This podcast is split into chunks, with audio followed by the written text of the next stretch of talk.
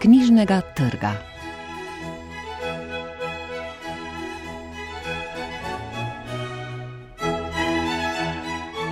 Dober dan, voda iz knjižnega trga nas spet čaka raznovrstno branje. Roman Gorana Vojnoviča Đorđič se vrača, pesniška zbirka Toneta Dodleka Plavi 9, kratke zgodbe Edgarja Kereta v zbirki Poleti že in zbornik prispevkov z naslovom Kulturna participacija mladih v Sloveniji in Evropi.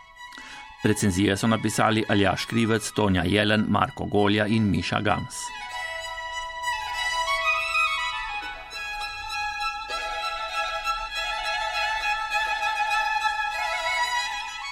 Marko Đorđič, trmasti fant iz ljubljanskih fužin iz prvenca Gorana Vojnoviča Čefuri Raus, se je na koncu romana umaknil v Bosno. Deset let starejši in po desetletju osebnih in družbenih sprememb pa je spet tu v romanu Đorđič se vrača. Tudi tega je izdala založba Beletrina, ocenjuje ga Aljaš Krivec. Leta 2008 so Čefuri Raus Gorana Vojnoviča izstrelili med osrednje figure domačega literarnega prostora, tako po kritiški sprejetosti, kakor tudi po prodajnem uspehu. Vprašanja povezana z nekdanjo skupno državo in priseljenska tematika so avtorja zanimala tudi v kasnejšem ustvarjanju, naj se gre za romana Jugoslavija moja dežela in Figa ali za njegovo filmsko ustvarjanje in kolumnistiko. Enotni recept pa je z novim romanom Đorđič se vrača postal še bolj enoten, saj gre za nadaljevanje avtorjevega romanesknega prvenca. Ta se je končal z odhodom protagonista Marka Đorđiča v Bosno, prihodnost pa je bila neznana in nejasna. Po nekaj več kot desetih letih, ravno v času Evropskega prvenstva v košarki, ga zdaj srečamo ob vrnitvi na Fužine.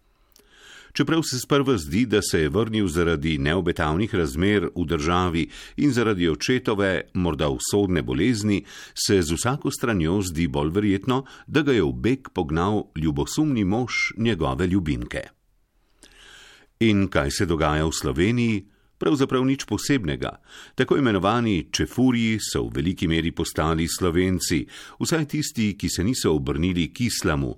Adi je še bolj nor, Dejan se je asimiliral, Đorđič pa še vedno pretežno glumigljivo se zaljubi v Dejanovo sestro in zmotno verjame, da Slovenija nima nobenih možnosti v finalu Evropskega prvenstva. Roman Đorđić se vrača tako po eni strani odpira vprašanje asimilacije, temo, ki je postala posebej razširjena med begunsko krizo, posveti se vprašanju Srba v Bosni, reflektira politično problematiko te države, a tudi družbeno problematiko Slovenije. Dokumentira spremembe, ki so se zgodile in ki jih med drugim odseva dejstvo, da je Sloveniji uspelo postati evropska košarkarska velesila. Ugotavlja, da ljudje odraščajo, a se ne nujno spremenijo in da so razlogi za to kompleksni.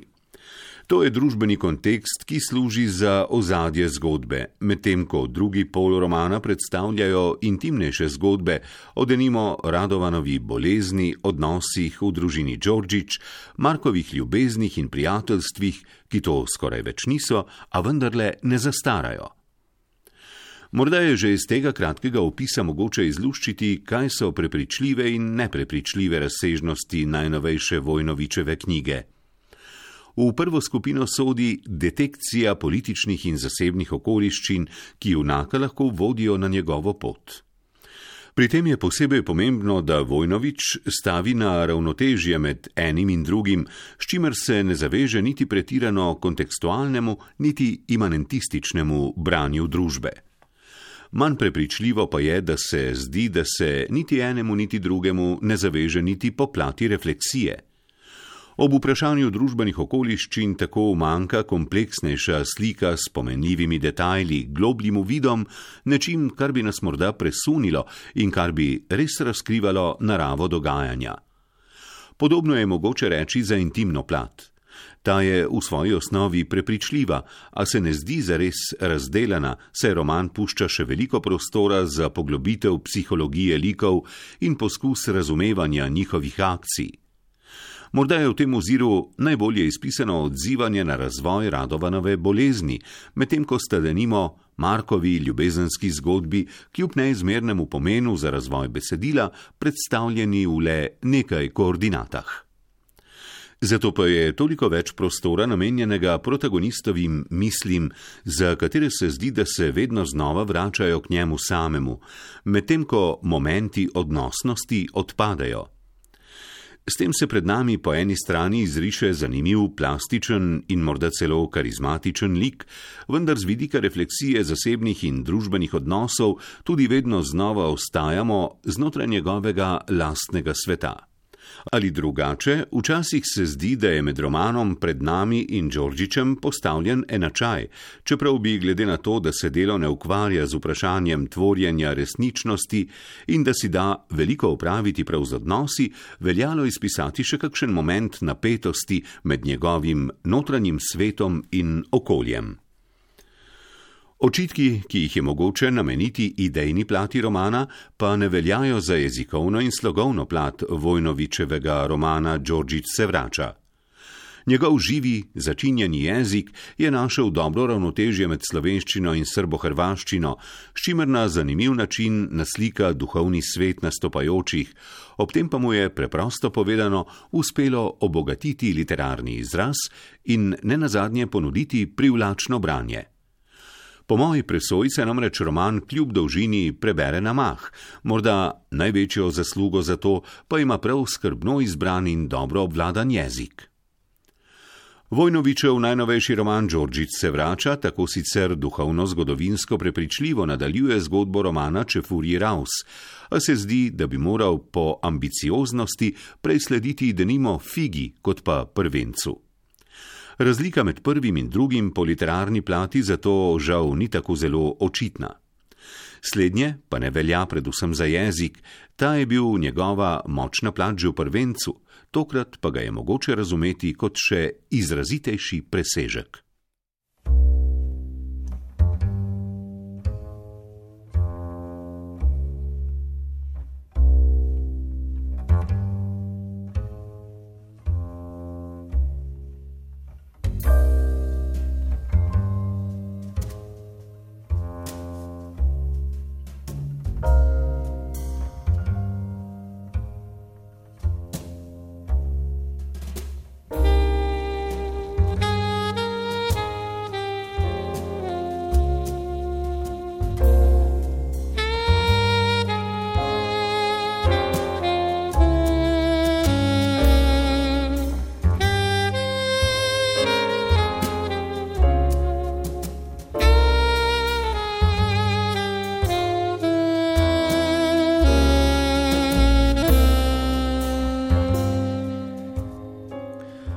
Začetku junija je umrl mariborski pesnik Tone Dodlek, avtor 20 pesniških zbirk za različne starosti, pa tudi esejističnih in proznih besedil ter aforizmov.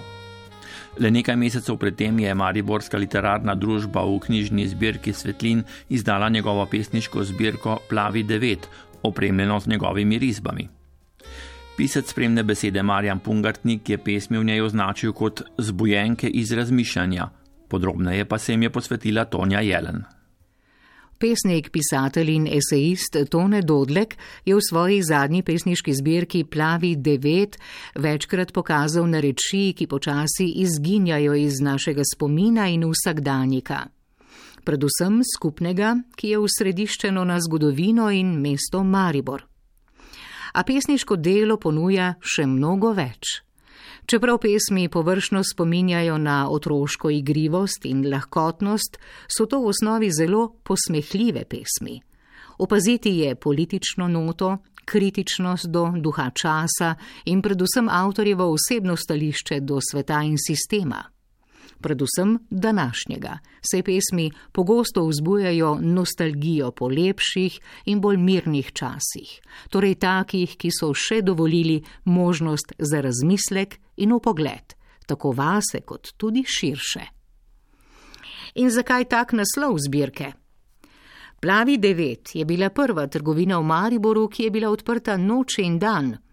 Na to nas opomni tudi naslovnica na knjigi, na kateri je fotografija vhoda v trgovino z velikim napisom omenjenega trgovskega podjetja.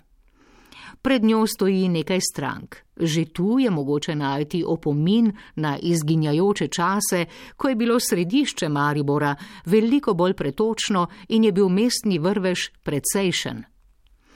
A to je samo uvod. Pesniška zbirka Plavi 9 nam ponuja predvsem razmisleke o težavah posameznika ali skupnosti, naprimer v povezavi s periferijo, kot v pesmi Vizitka. Ljubljana, mi v Murski soboti imamo problem, Ljubljana, mi na Ptuju imamo problem, Ljubljana, mi v Mariboru imamo problem in tako naprej. Pesem se konča z motivom trgovine z rabljenimi stvarmi. Ta trgovina iz druge roke naj bi bila Slovenija, izpelje Dodlek. Avtor s svojim cinizmom tako ne prizanaša nikomur. Prav po naštevanju pogosto konča pesem s pristavkom, ki je skoraj da celotna poanta pesmi. Zafrkljivo se obregne tudi ob motiv lepe vide. Tudi hrepenenje ni več, kar je bilo. Plavi devet je konceptualna zbirka, sestavljena je iz avtorjevega likovnega in pesniškega dela. Oboje spominja na Dodlekovo predzadnjo zbirko Kraljestvo Kiča, vendar je v zadnji veliko več grenkobe in slutnje minljivosti. V prejšnji zbirki je namreč še vedno navzoč vitalizem, v pesmih iz zadnje zbirke pa je kar nekaj zavedanja o odtekanju časa. Prav to ima v likovnem delu posebno mesto. Veliko lepljenk je namreč iz vsakdanjega življenja. Dodlek jih je ustavil in dopolnil na svoj način. Ta ready made je predvsem igriv, a vsebuje tudi resen podton. Lepljenka s povratnico, na kateri piše počitnice spomini, ima naslov Zamujena priložnost.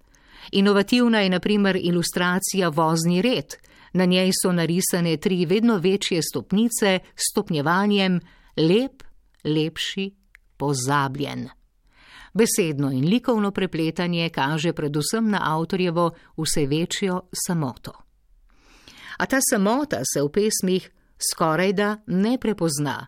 Nonsens, iskanje novih pomenov in medbesedilnost, ki jo Dodlek upleta v svoje pesmi, tako še vedno pokažejo na njegov lastni uvid, Tone Dodlek je bil pesnik samohodec, ki je v pesmih svojim raznolikim znanjem in zanimanjem prikazal predvsem globoke miselne in reflektivne tokove. Pesniška zbirka Plavi devet je predvsem spomin na bolj veselo obdobje. Je tudi krik srdonične poezije, s katero Tone Dodlek ne prizanaša nikomur. Njegovemu pesniškemu in likovnemu delu je skupno tiho upanje naj sveta še ne preplavi instantna mrzlica in da si človek še vedno mora vzeti čas za odmor. Ta je predvsem prostor in čas za premislek, tako v skupnosti kot o samem sebi.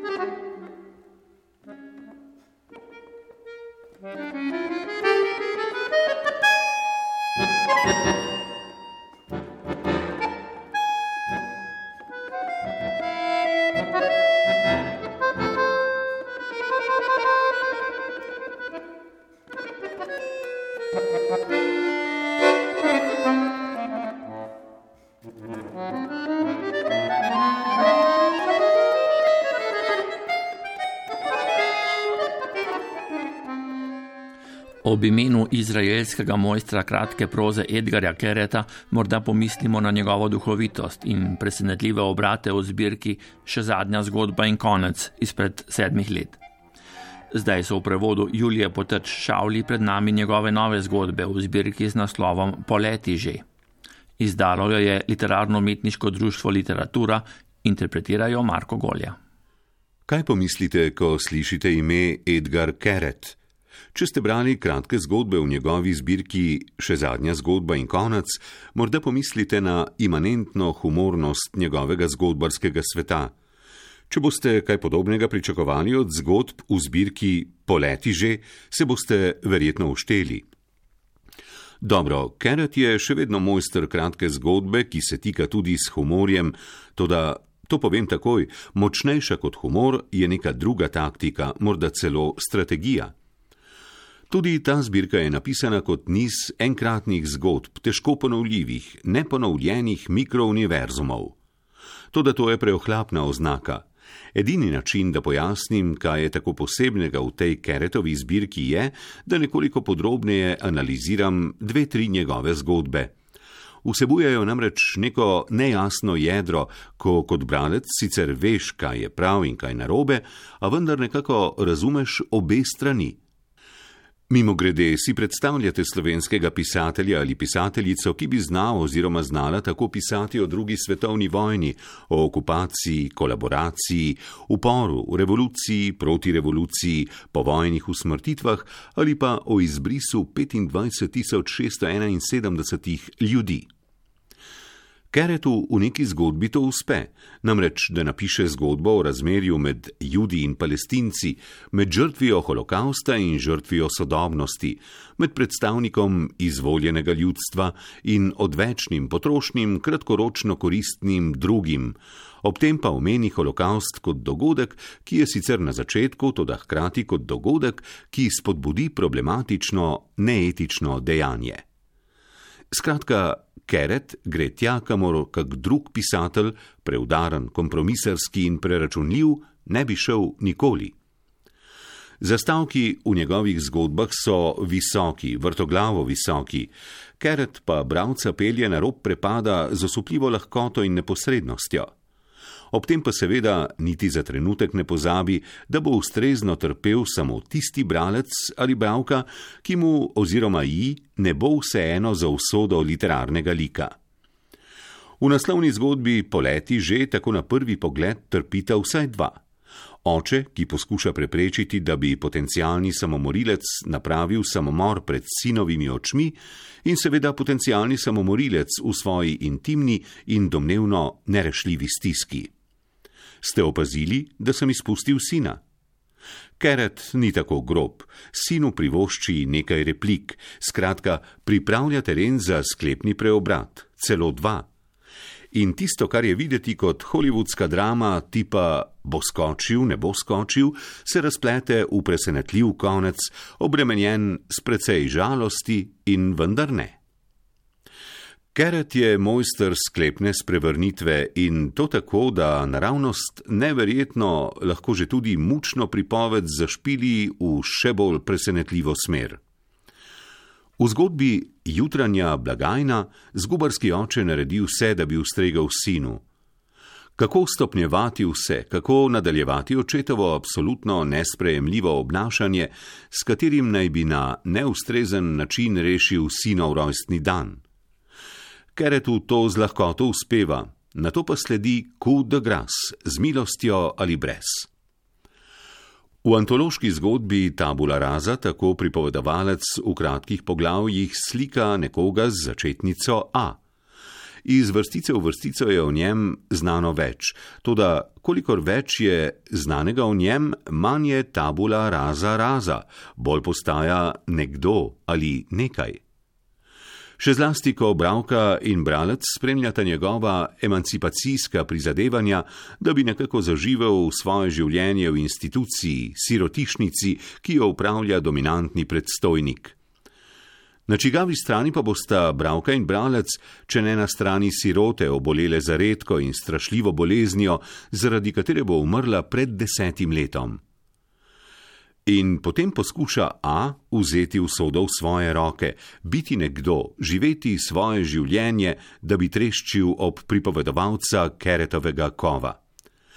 Pisatelj zanesljivo pozna naprimer roman Dečki iz Brazilije, ve, da je Ira Levin zastavil težko etično dilemo, da bi jo tudi rešil in sporočil skrajnežem, da cilj ne upravičuje nedolžnih žrtev, kaj šele otrok.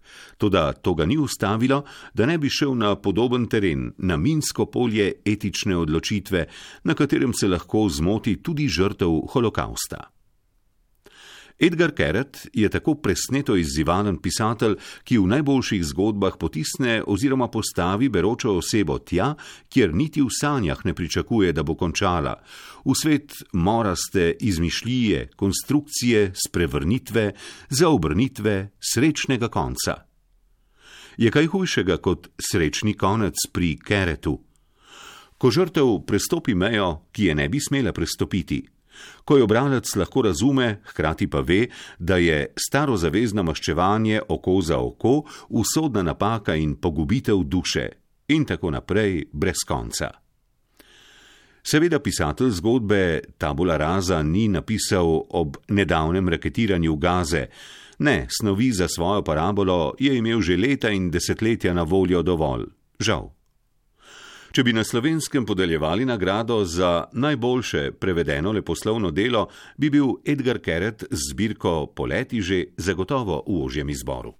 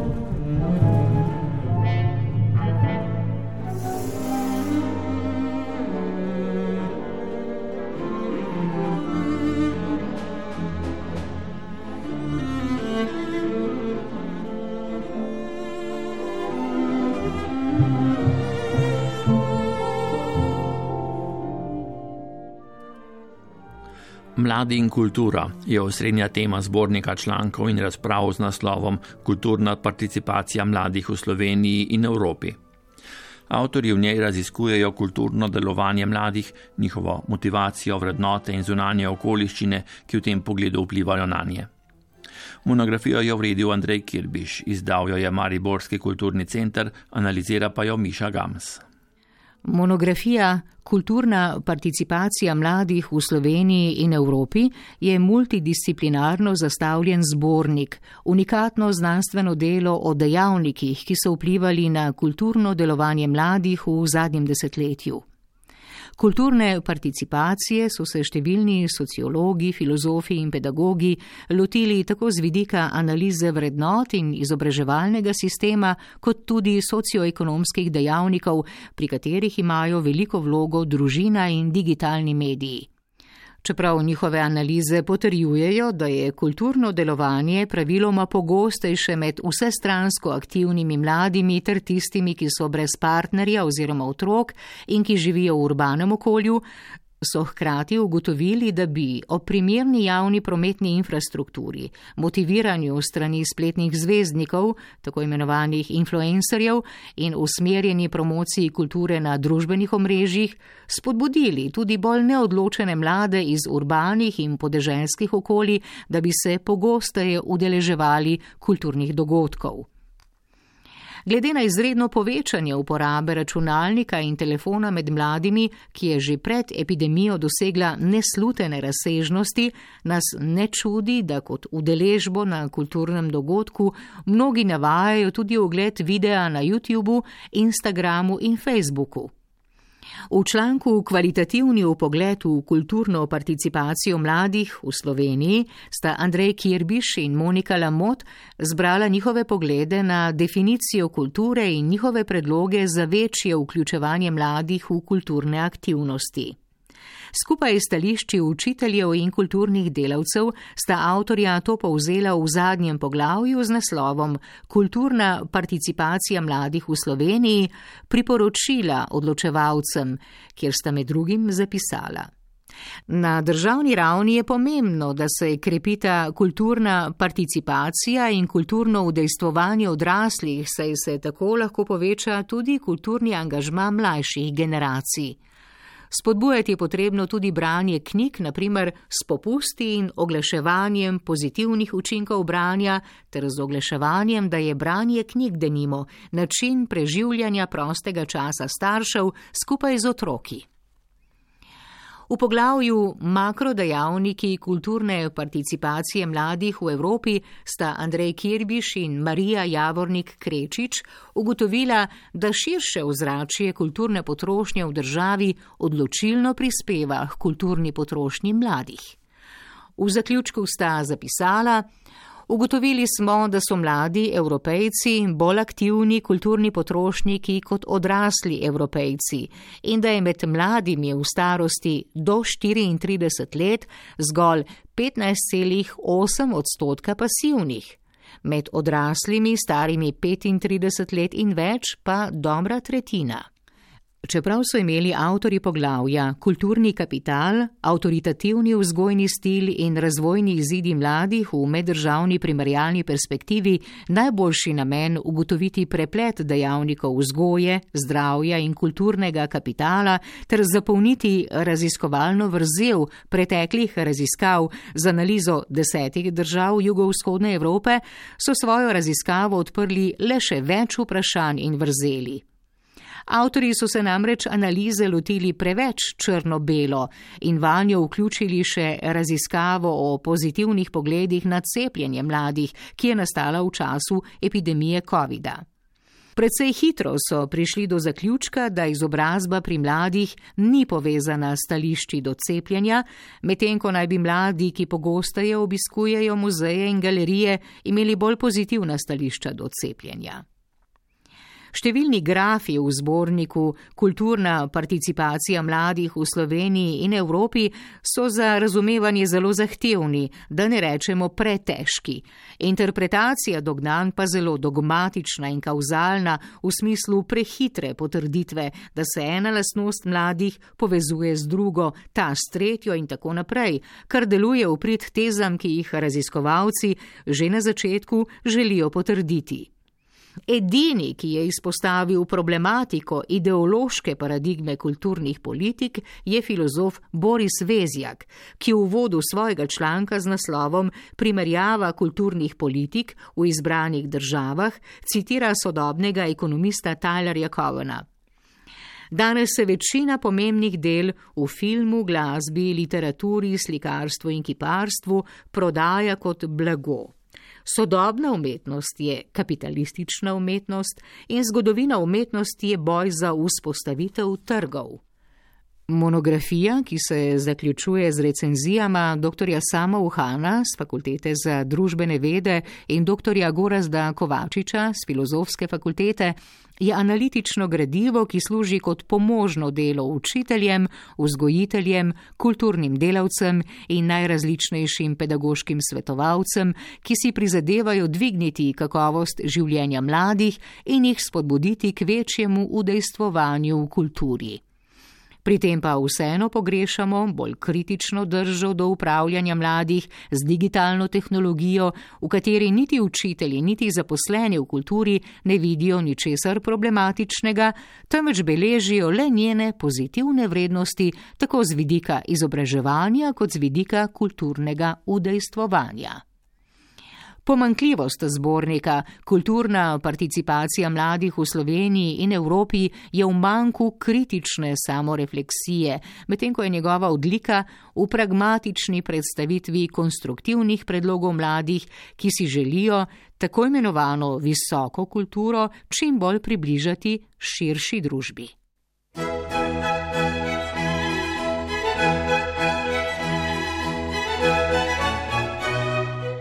Poslušali ste oddajo z knjižnega trga. Recenzije Aljaža Krivca, Tonija Jelen, Marka Golje in Miše Gams sta prebrala Lidija Hartmann in Jure Franko. Glasbo je izbral Marko Šetinc, oddajo je posnel Jon Črgan, uredil sem jo Vlado Motnikar.